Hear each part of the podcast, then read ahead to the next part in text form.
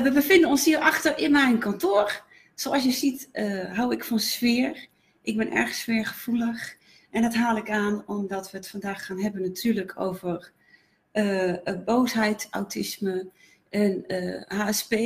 Of eigenlijk boosheid in relatie tot HSP en autisme.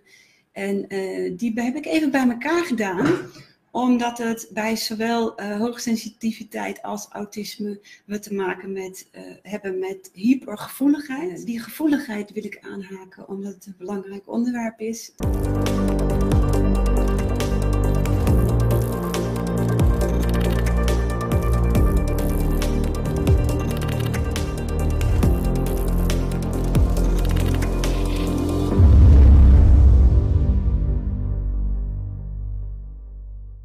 Gevoeligheid en boosheid, die lijken uh, heel erg ten opzichte van elkaar te staan.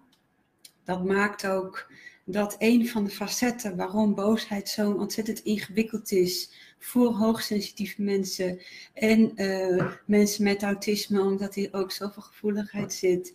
Dat komt omdat uh, deze mensen de wereld waarnemen vanuit een gevoelslaag. Dat is een belangrijk gegeven wanneer je de wereld waarneemt middels gevoel, dan. Uh, ik zal proberen uit te leggen hoe dat is. Uh, het is bijna alsof je de wereld niet waarneemt als uh, in,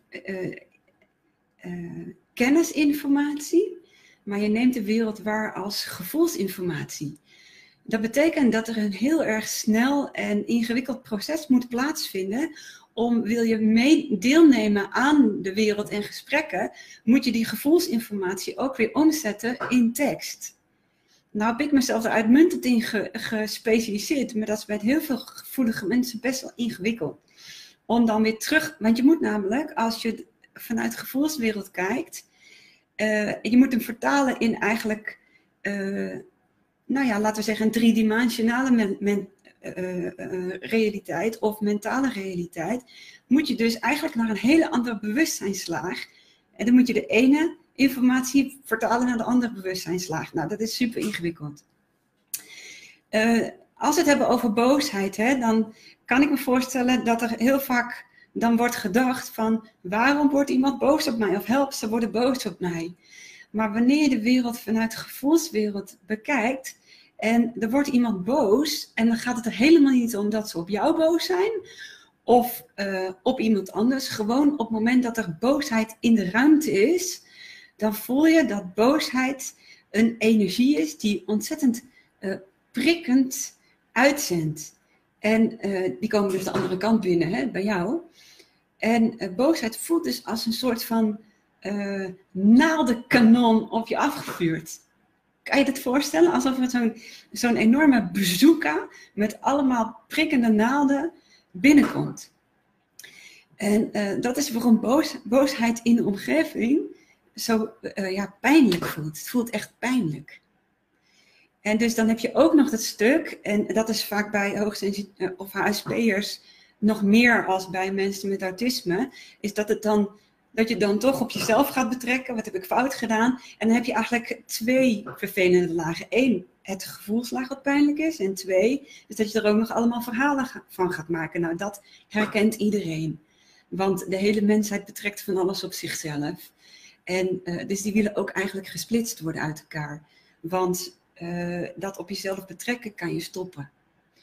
Uh, die gevoeligheid kan je niet stoppen. Hoeft ook niet. Op het moment dat je dat probeert, wordt het eigenlijk alleen maar vervelender. Dus dat moet je ook helemaal niet proberen. Je moet het uh, in dienst van jezelf zetten. Je moet het voor je laten werken. En uh, wat bedoel ik daarmee? Is um, één, totale acceptatie van die gevoelige natuur. Maar het is uh, heel erg handig, omdat je gewoon veel subtielere en meer informatie ontvangt dan alleen maar mentaal. En ja, je moet leren uh, uh, dat te transformeren. Uh, of soms te zeggen, als het om boosheid gaat, van joh, ik ga de ruimte uit. Want dit is, gaat helemaal niet over mij. Daar is een boos kanon. en laat dat even lekker kanonnen. Want het is voor mijn gevoelige natuur niet prettig. Wat je ziet gebeuren, en zeker als het om autistische kinderen gaat, die nog niet het relativeringsvermogen ook hebben, is dat op het moment dat jij een kanon van boze, pijnlijke naalden op je afgevuurd wordt, dan is dat heel beangstigend, heel overweldigend. Wat gebeurt er dan wanneer er iets beangstigends en overweldigends gebeurt bij iedereen? Dan ga je jezelf beschermen. En dat doen wij door beschermingsmechanismes. En uh, een van de beschermingsmechanismes is boosheid. En uh, los van dat, uh, dat vuur opgestookt wordt, ehm, kan het dus ook nog eens terug boos worden. Gewoon puur uit bescherming. Help, weg met dat kanon.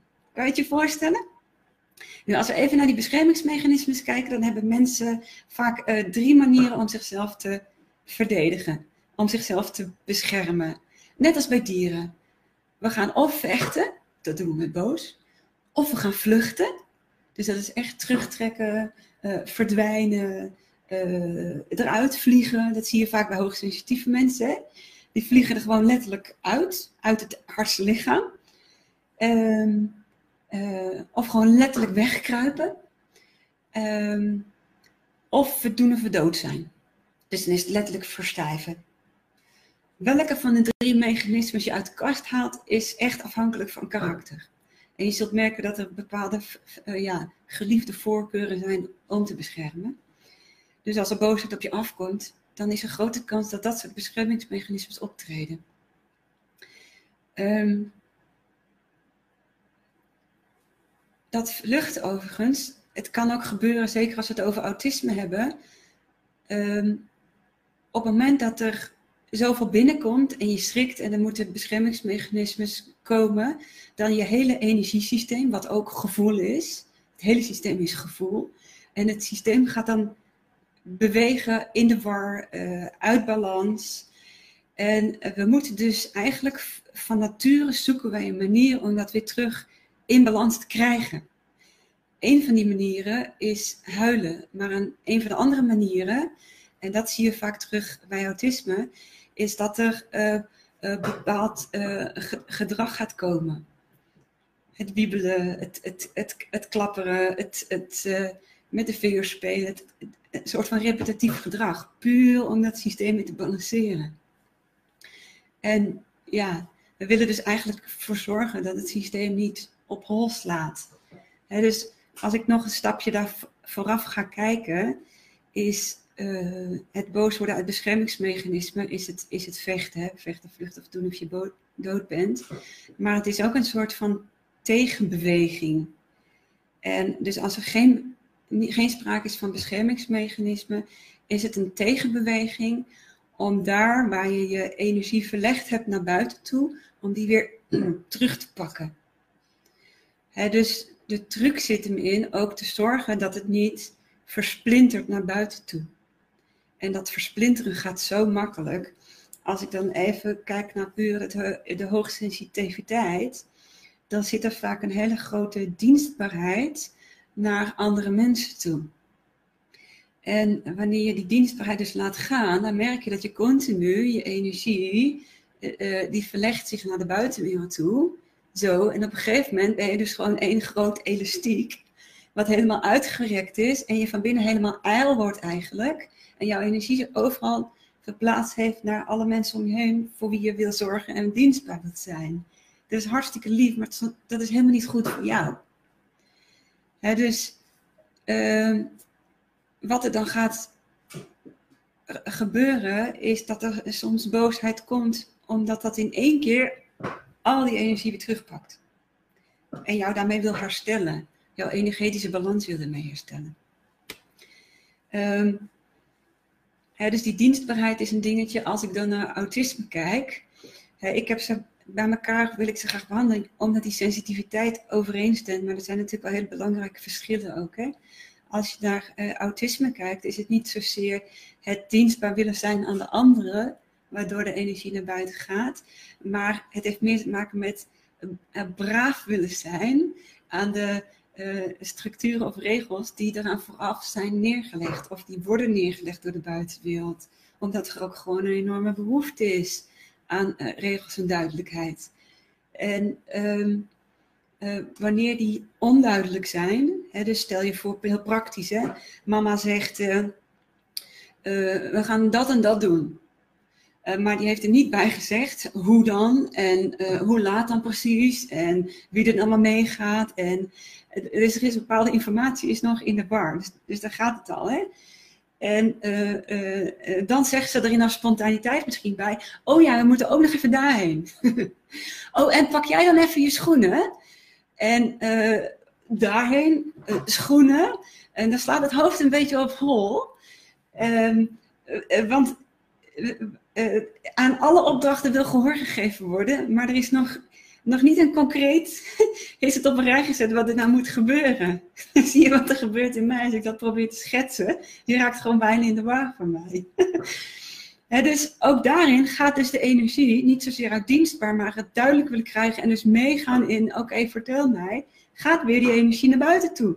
Wat hebben we dan nodig? Flippen. Ah, weer boos worden om weer die energie terug te halen. En ook daar weer is het nodig om te herstellen. Puur uit eigenlijk levensbehoud. Dat is wat, hè? En uh, zo zijn er een heleboel dingen die, jij, die je, uh, uh, als je het autistisch spectrum zit, kunnen van slag maken.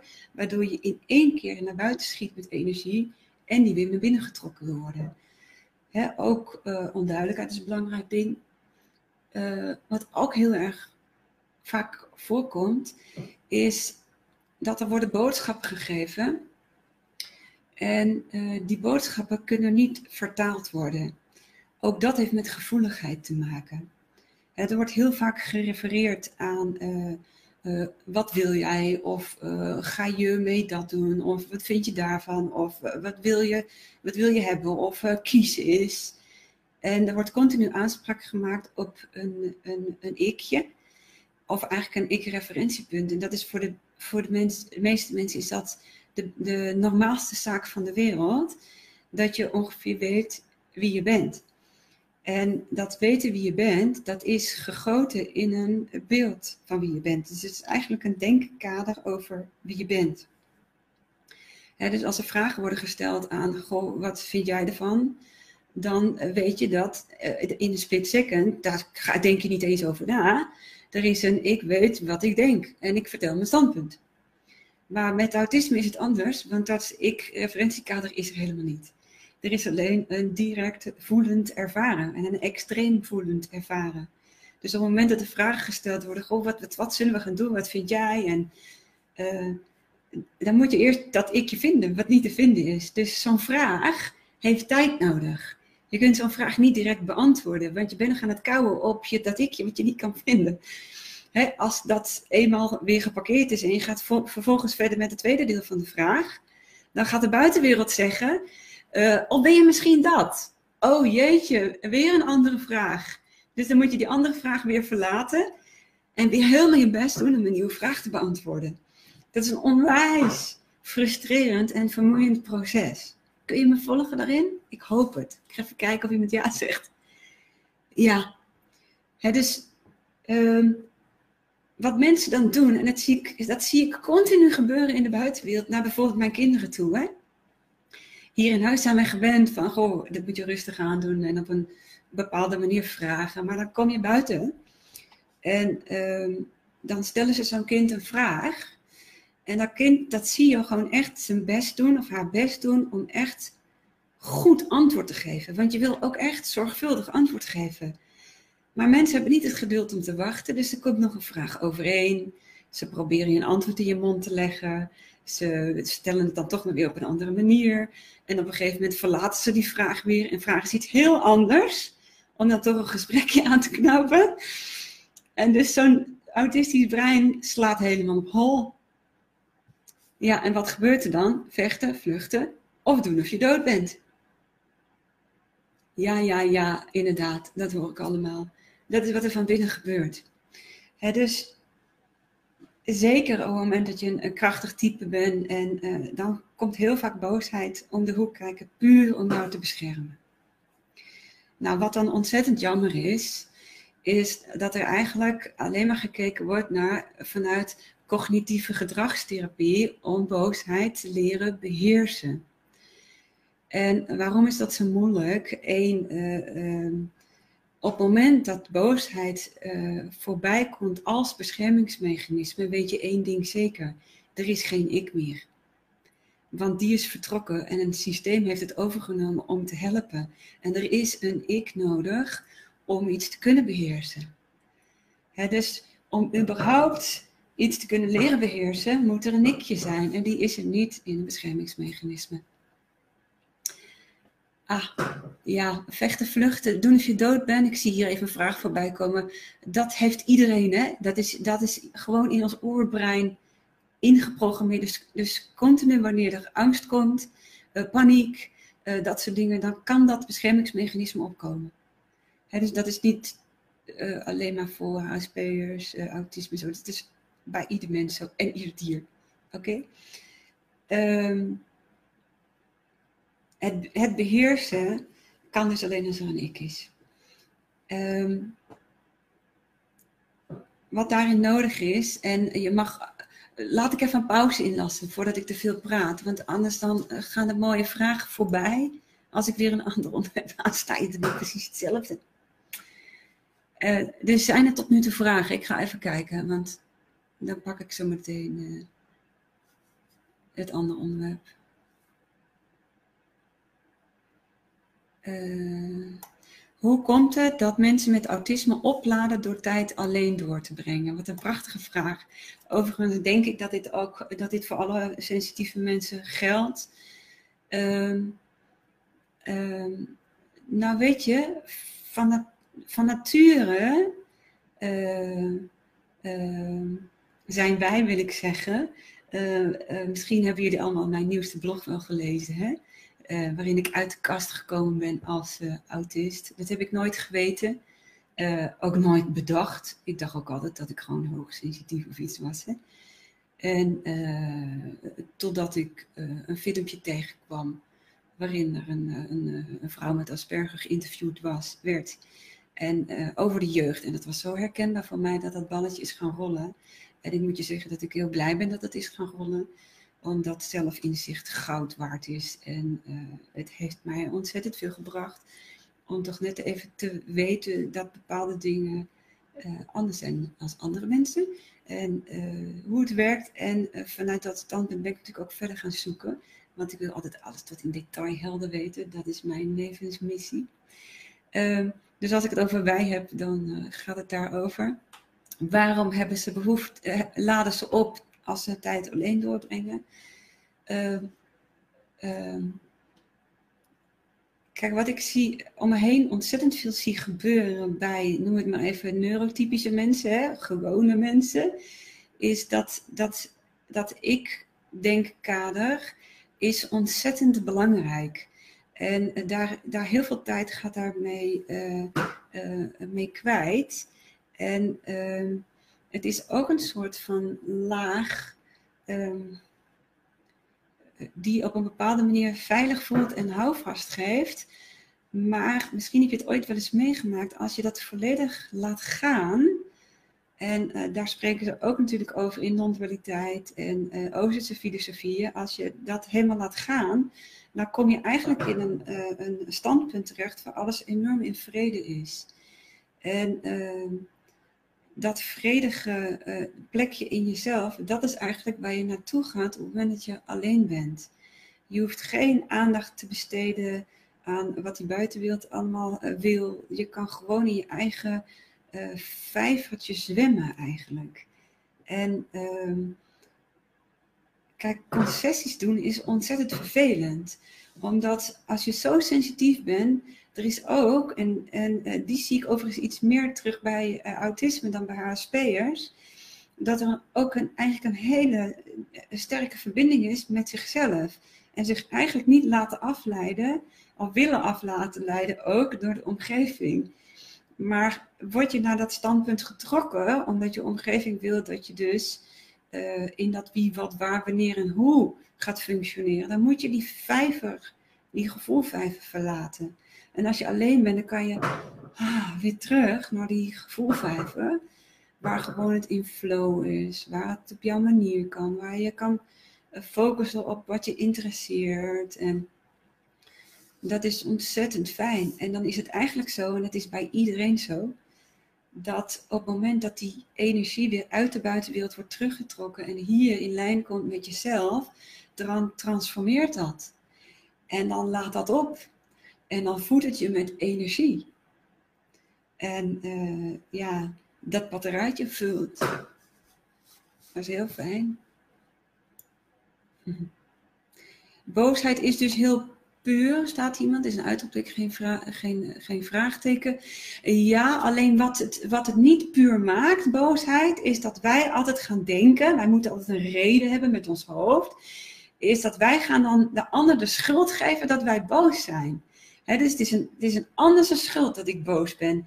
Waarop je dus die boosheid negatief en destructief gaat richten.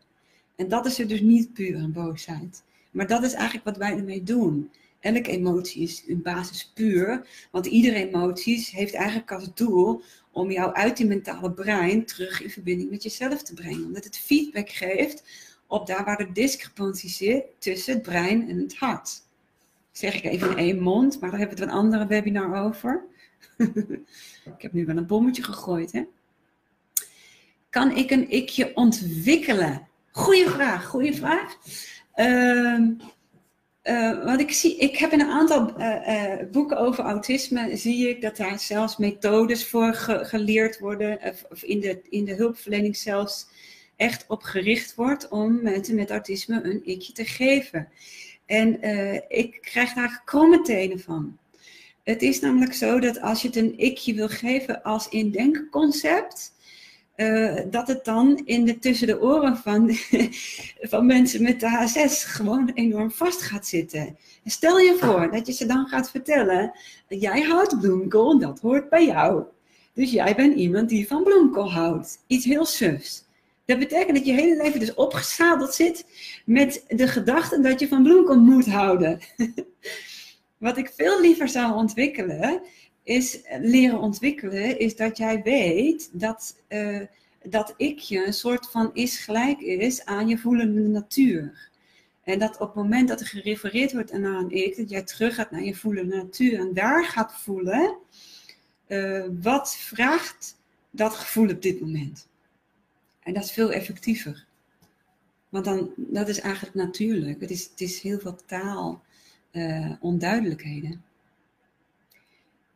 Uh, ja, hier hebben we, heeft iemand over fase 1 en 2. Boos heeft inderdaad twee fases. Fase 1 van boosheid, echt het terughalen van je energie om te balanceren. Fase 2 van boosheid gebeurt dus op het moment dat je een ander de schuld gaat geven en die, en die energie gaat richten. En dat kan destructief en constructief. Dat is in principe bij iedereen hetzelfde. Alleen het kan bij autisme moeilijker zijn om, omdat het ook weer aan een ik gerefereerd moet worden, wat wil ik hiermee doen? En dus daarom is het zo belangrijk ook om dat ik te, uh, te her, her uh, begrijpen, opnieuw te gaan begrijpen. Uh, ja, hier, hier heeft het, zegt, vraagt iemand, wat zegt boosheid bij HSP-kinderen als het vaatje qua prikkels overloopt? Is dat ook een overlevingsmechanisme? Uh, ja. Ik zou in eerste instantie van uitgaan dat boosheid, zeker bij zeer gevoelige mensen, uh, heel vaak uh, voorbij komt, puur en alleen uit beschermingsmechanisme. Kijk alsjeblieft naar wat je in de ogen ziet. wanneer boos is beschermingsmechanisme, dan zit er achter de front zit, zit paniek, angst. Kijk daar goed naar dus de, de mooiste manier is, uh, hoe ga je daarmee om? Hè? Ga, er even, ga er even op in. Uh, als ouders of als partners, als je een explosieve boze partner hebt. Kijk, op het moment dat je daar terug boos op wordt, dan ga je olie op het vuur gooien en maak je het eigenlijk nog onveiliger. Het mooiste is om een soort van energetisch volledig stil te vallen en Want dan ben je opeens een blanco muur waarin het kan uitdoven. Lukt het je niet, verlaat de ruimte. En dat is eigenlijk een tip voor iedereen als we het dan hebben over het leren beheersen van boosheid. Is afstand nemen een hele belangrijke. Uh, weet je, er wordt bij heel veel mensen gedacht, als je boos bent moet je het uitpraten. Of als je boos bent moet je vertellen waarom je boos bent, om je grenzen aan te geven. Maar ben je boos, dan ben je gewoon in nood. En uh, ja, dan moet je eerst weer uh, tot rust komen. Ik zou praten pas doen op het moment dat je weer terug bij jezelf bent en echt gewoon, uh, ja, hoe noem je dat? Gefundeerde reden hebt om uit te leggen wat er aan de hand is. En je behoeftes uit te leggen. En uh, een ander ding is, op het moment dat je vaak ontploft en er is dus geen beheersing omdat dan de ik er niet is. En dit is een gouden tip jongens, onthoud hem, schrijf hem op. Is om voor jezelf een, regeltje te maken. Zeker als het om autisme gaat, werken regels dus heel goed. Is zo'n regel ge, uh, vastgezet, dan zit die eeuwig vast. Dus pas ook op wat voor regels je erin stopt. Oké, want zit die er eenmaal, dan krijg je hem niet meer weg. Maar een van die regels bijvoorbeeld, hè, je slaat geen meisjes of je slaapt überhaupt niet. Of ik weiger om die drempel over te gaan. Ik weiger om anderen op te zadelen met mijn boosheid. Uh, dat betekent niet dat ik hem in hoef te slikken, maar als ik de ruimte verlaat en hem in mezelf toelaat als energie, dan heeft hij de ruimte om uit te kabbelen. Dus dat soort regels, uh, die kan je voor jezelf of leren met kinderen, partners met autisme. Uh, spreek een regel af en herhaal die regel als er explosie van boosheid is, ik weiger met boosheid destructief te richten op de ander. Gewoon dat er van binnen ook gewoon heel veel liefde is naar andere mensen. Ik ga eens kijken. Het is overprikkeling is absoluut een dingetje. Ja, hier is nog een mooie vraag. Eh, eh, zo'n boosheid kan inderdaad in een moment, in een situatie heel functioneel zijn. Maar wat te doen als die blijft hangen en je stemming gaat beheersen, die boze gedachten terug blijven komen? Is dat te verhelpen? Ja, het is inderdaad dat de functie van de emoties is om feedback te geven op uh, of jouw overtuigingssysteem afgestemd zijn op je ware natuur. En als, daar dus, als die niet in lijn liggen, krijg je bepaalde gevoelens. dus uh, uh, er gaan heel vaak voor emoties gaan gedachten vooraf. Uh, en de emotie is heftiger op het moment dat die of meer ik gericht is, of ehm, dat daar gewoon informatie nog niet is gezien. dus je moet, je, je moet weten dat op het moment dat gedachten terug blijven komen, dat één, je daar een keuze in hebt en bewust blijft vasthouden omdat je misschien vindt dat die ander of het echt fout was of hey, daar kunnen mensen zich enorm in vastbijten en dat moet je niet willen. Je moet ook weten dat boosheid heb, heb ik in eerste plaats heb ik daar mezelf mee. En zeker als je een voelende natuur hebt, dan is verharding helemaal niet fijn. dus per definitie kies ik er nooit voor om uh, schuld te wijzen of uh, in boosheid te blijven hangen. Want daar heb ik gewoon mezelf mee, dat doet gewoon zeer. Als er nou toch dan dingen blijven hangen, omdat je die keuze niet kunt maken, ehm, dan mogelijk is daar iets aangeraakt wat gewoon nog fundamenteel voor jou is en wat gezien wil worden. Hè, dus heel vaak op het moment dat wij echt kunnen aanwijzen wat ons precies boos maakt, is dat heel vaak dat waar wij tekort in komen dus stel je voor, je bent ontzettend bang omdat een ander continu de ruimte inneemt. He, dat zijn heel vaak dingen uh, waarvan je zegt van, goh, ja, jij zou wel wat meer ruimte mogen innemen. Maar daar is die eigenlijk al gemixt met een oordeel. Uh, dus het is geen puur boos, maar het is een, een, een, boos met een oordeel. Want je vindt iets stom. En stom is eigenlijk een oordeel. Begrijp je? En dan heb je daar iets in te doen in dat thema. Uh,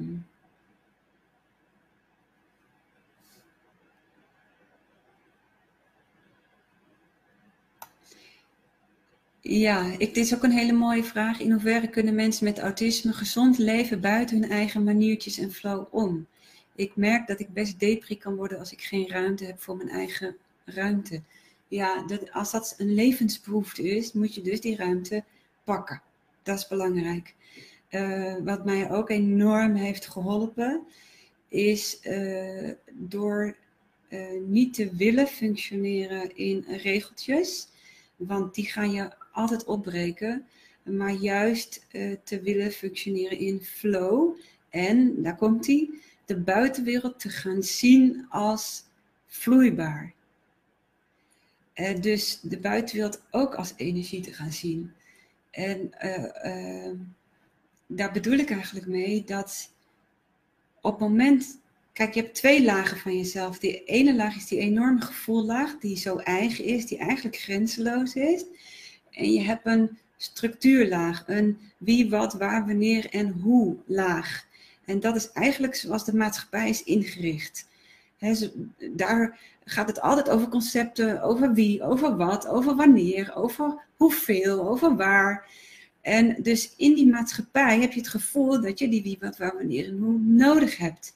Maar ik heb gemerkt dat juist die heel belastend kunnen zijn. Want als, dat is het grootste probleem, als die wie, wat, waar, wanneer en hoe verandert onderweg, ja, dan is het, het rebound effect zo groot dat je die niet kan handelen. Dus wat ik op een gegeven moment gekozen heb, is om helemaal niet in de wie, wat, waar, wanneer en hoe te gaan, maar gewoon te blijven in het voelen. En uh, dat is een stuk makkelijker.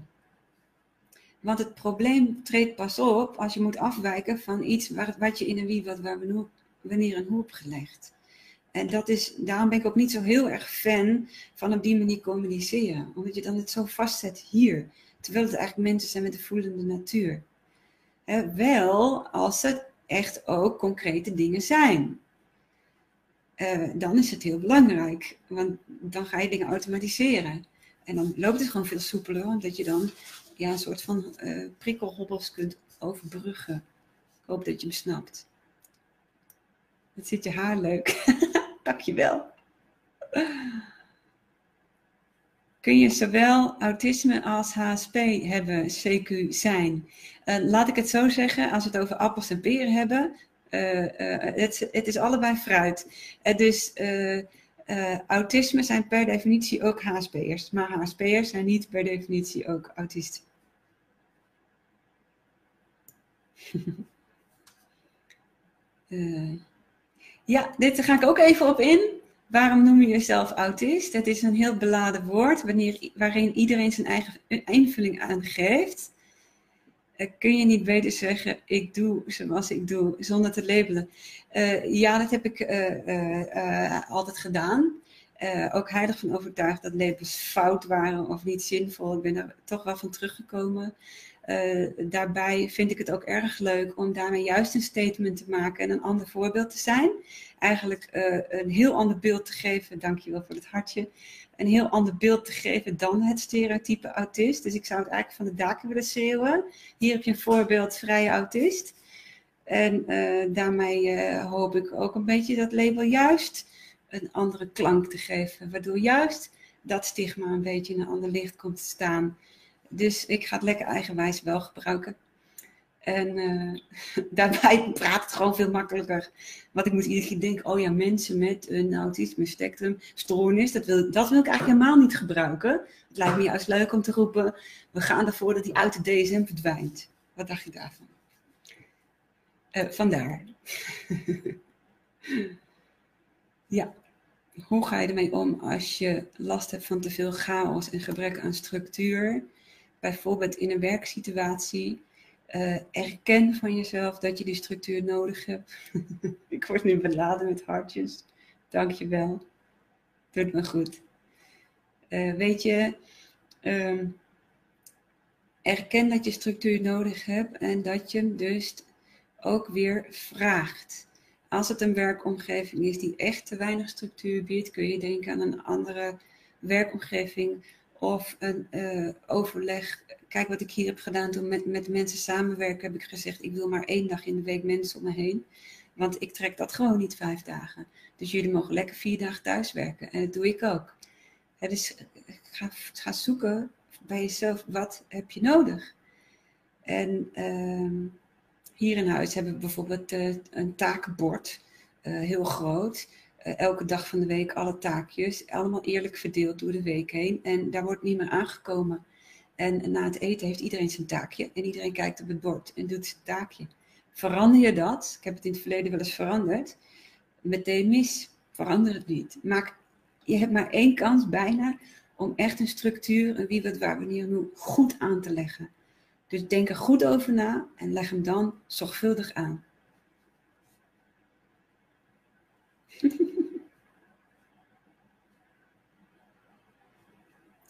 Eens kijken. Ik ga van onderaf beginnen.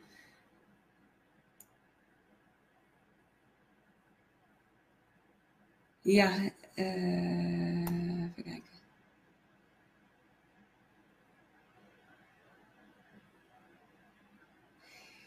Kan die boosheid gevoel van verharding in strijd voelen bij HSP en neigen tot zelfhaat?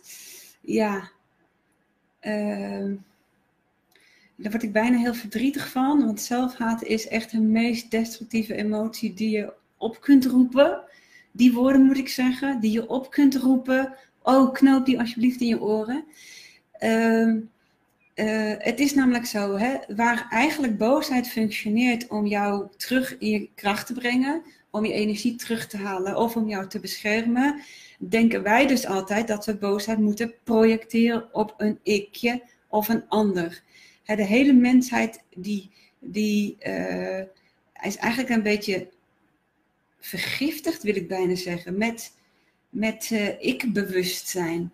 Het moet altijd in verpersoonlijkt worden. En uh, ja, zelf willen we natuurlijk niet de, de, dader zijn, dus moet hij buiten ons leggen. En kijk, op het moment dat je, of in ons, als het om zelfhaat gaat, hè, dus dat verpersoonlijke kan je naar buiten doen een dader, maar ook op jezelf als dader. En dan krijgt hij de vorm van zelfhaat. Dat is allemaal categorie schuldgaante. En dat is, ja, dat is echt het giftigste pilletje wat je in kunt nemen eigenlijk. Maar weet dat je uh, uh, ga eens voelen. Kijk, zelfhaat ontstaat dus door allemaal zelfhatige gedachten. Wow, ik ben al 40 minuten aan het praten. Ik wou maar een half uur praten. Ja, het is ook zo leuk. Um, dus dat komt allemaal door zelfhaatgedachtes. Wat ik zou willen uitnodigen, mensen die kampen met soms zelfhaatgedachtes, is ga eens voelen daaronder. Is daaronder het gevoel naar jezelf ook destructief? Of is er daaronder een, een, een gouden lichtsprankeltje dat eigenlijk heel veel van jezelf houdt? Als je die voelt, dan heb je er twee in handen. De zelfhaatgedachte en het sprankeltje licht. En als je die twee kunt zien, dan kun je kiezen. En dan moet je kiezen voor het sprankeltje. Waar zat die? die ja. Dan moet je kiezen voor het sprankeltje. En op het moment dat je kiest voor het sprankeltje, dan krijgt de zelfhaatgedachte minder grip op je. Waarom had ik besloten het maar een half uur te maken? Uh, omdat ik het gevaar heb dan in andere onderwerpen te gaan. Zoals nu eigenlijk, hoewel die wel mooi was. Um, ik kijk nog eventjes. Ja, dus ook als het iemand anders om je heen met zelfhaat uh, loopt, refereer altijd naar dat goud. Zeg niet, joh, dat moet je niet doen, want dan ga je eigenlijk nog meer oordeel leggen op dat ze dat al doet.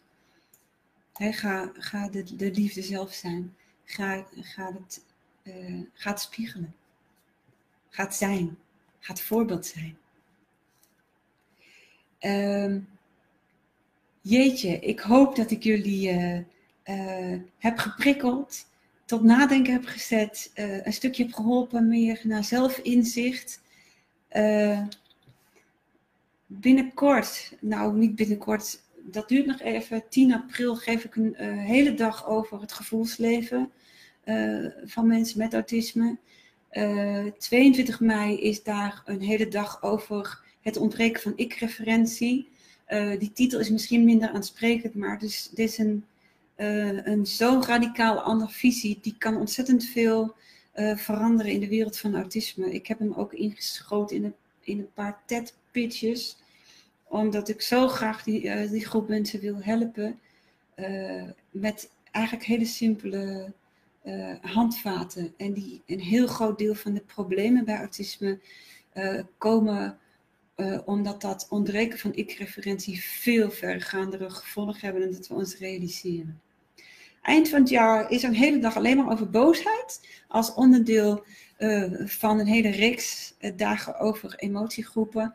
Dat gaat niet alleen maar over die emotie, maar elke emotiegroep staat ook symbool voor een levensthema dus die acht emotiegroepen, als je die allemaal gevolgd hebt, dan heb je allemaal sleutels in handen om op alle verschillende levensfacetten uh, tools te krijgen. Dus het geeft eigenlijk een soort van levenskunstenarij.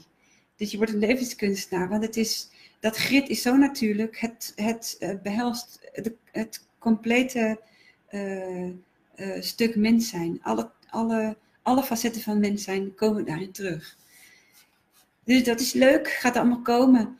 Uh, ik ben ook een boek aan het schrijven over autisme. En alle emotiegroepen komen ook in het boek. Ik krijg ontzettend druk. Maar ik heb er heel veel zin in. Uh, even kijken, een vraag over dag 10 april. Om het ook over intimiteit en autisme te hebben. Die staat ook op het programma over aanraking, over seksualiteit, want het is ook een huge thema. Daar zouden we ook wel eens een keer een webinar over kunnen doen. Uh, dat is een heel groot thema en ik denk voor heel veel mensen met autisme ook een groot probleem. Dat gaan we zeker belichten op 10 april. Uh, fijn, Christina. Ze zegt, je hebt me heel erg geholpen. Fijn. Ik ga afscheid nemen van jullie. Uh, wellicht zie ik jullie live binnenkort. Uh, deze uitzending is ook nog terug te kijken op YouTube en te beluisteren op Spotify, iTunes en Soundcloud binnenkort. Dag allemaal, fijn dat jullie meededen en uh, doei doei.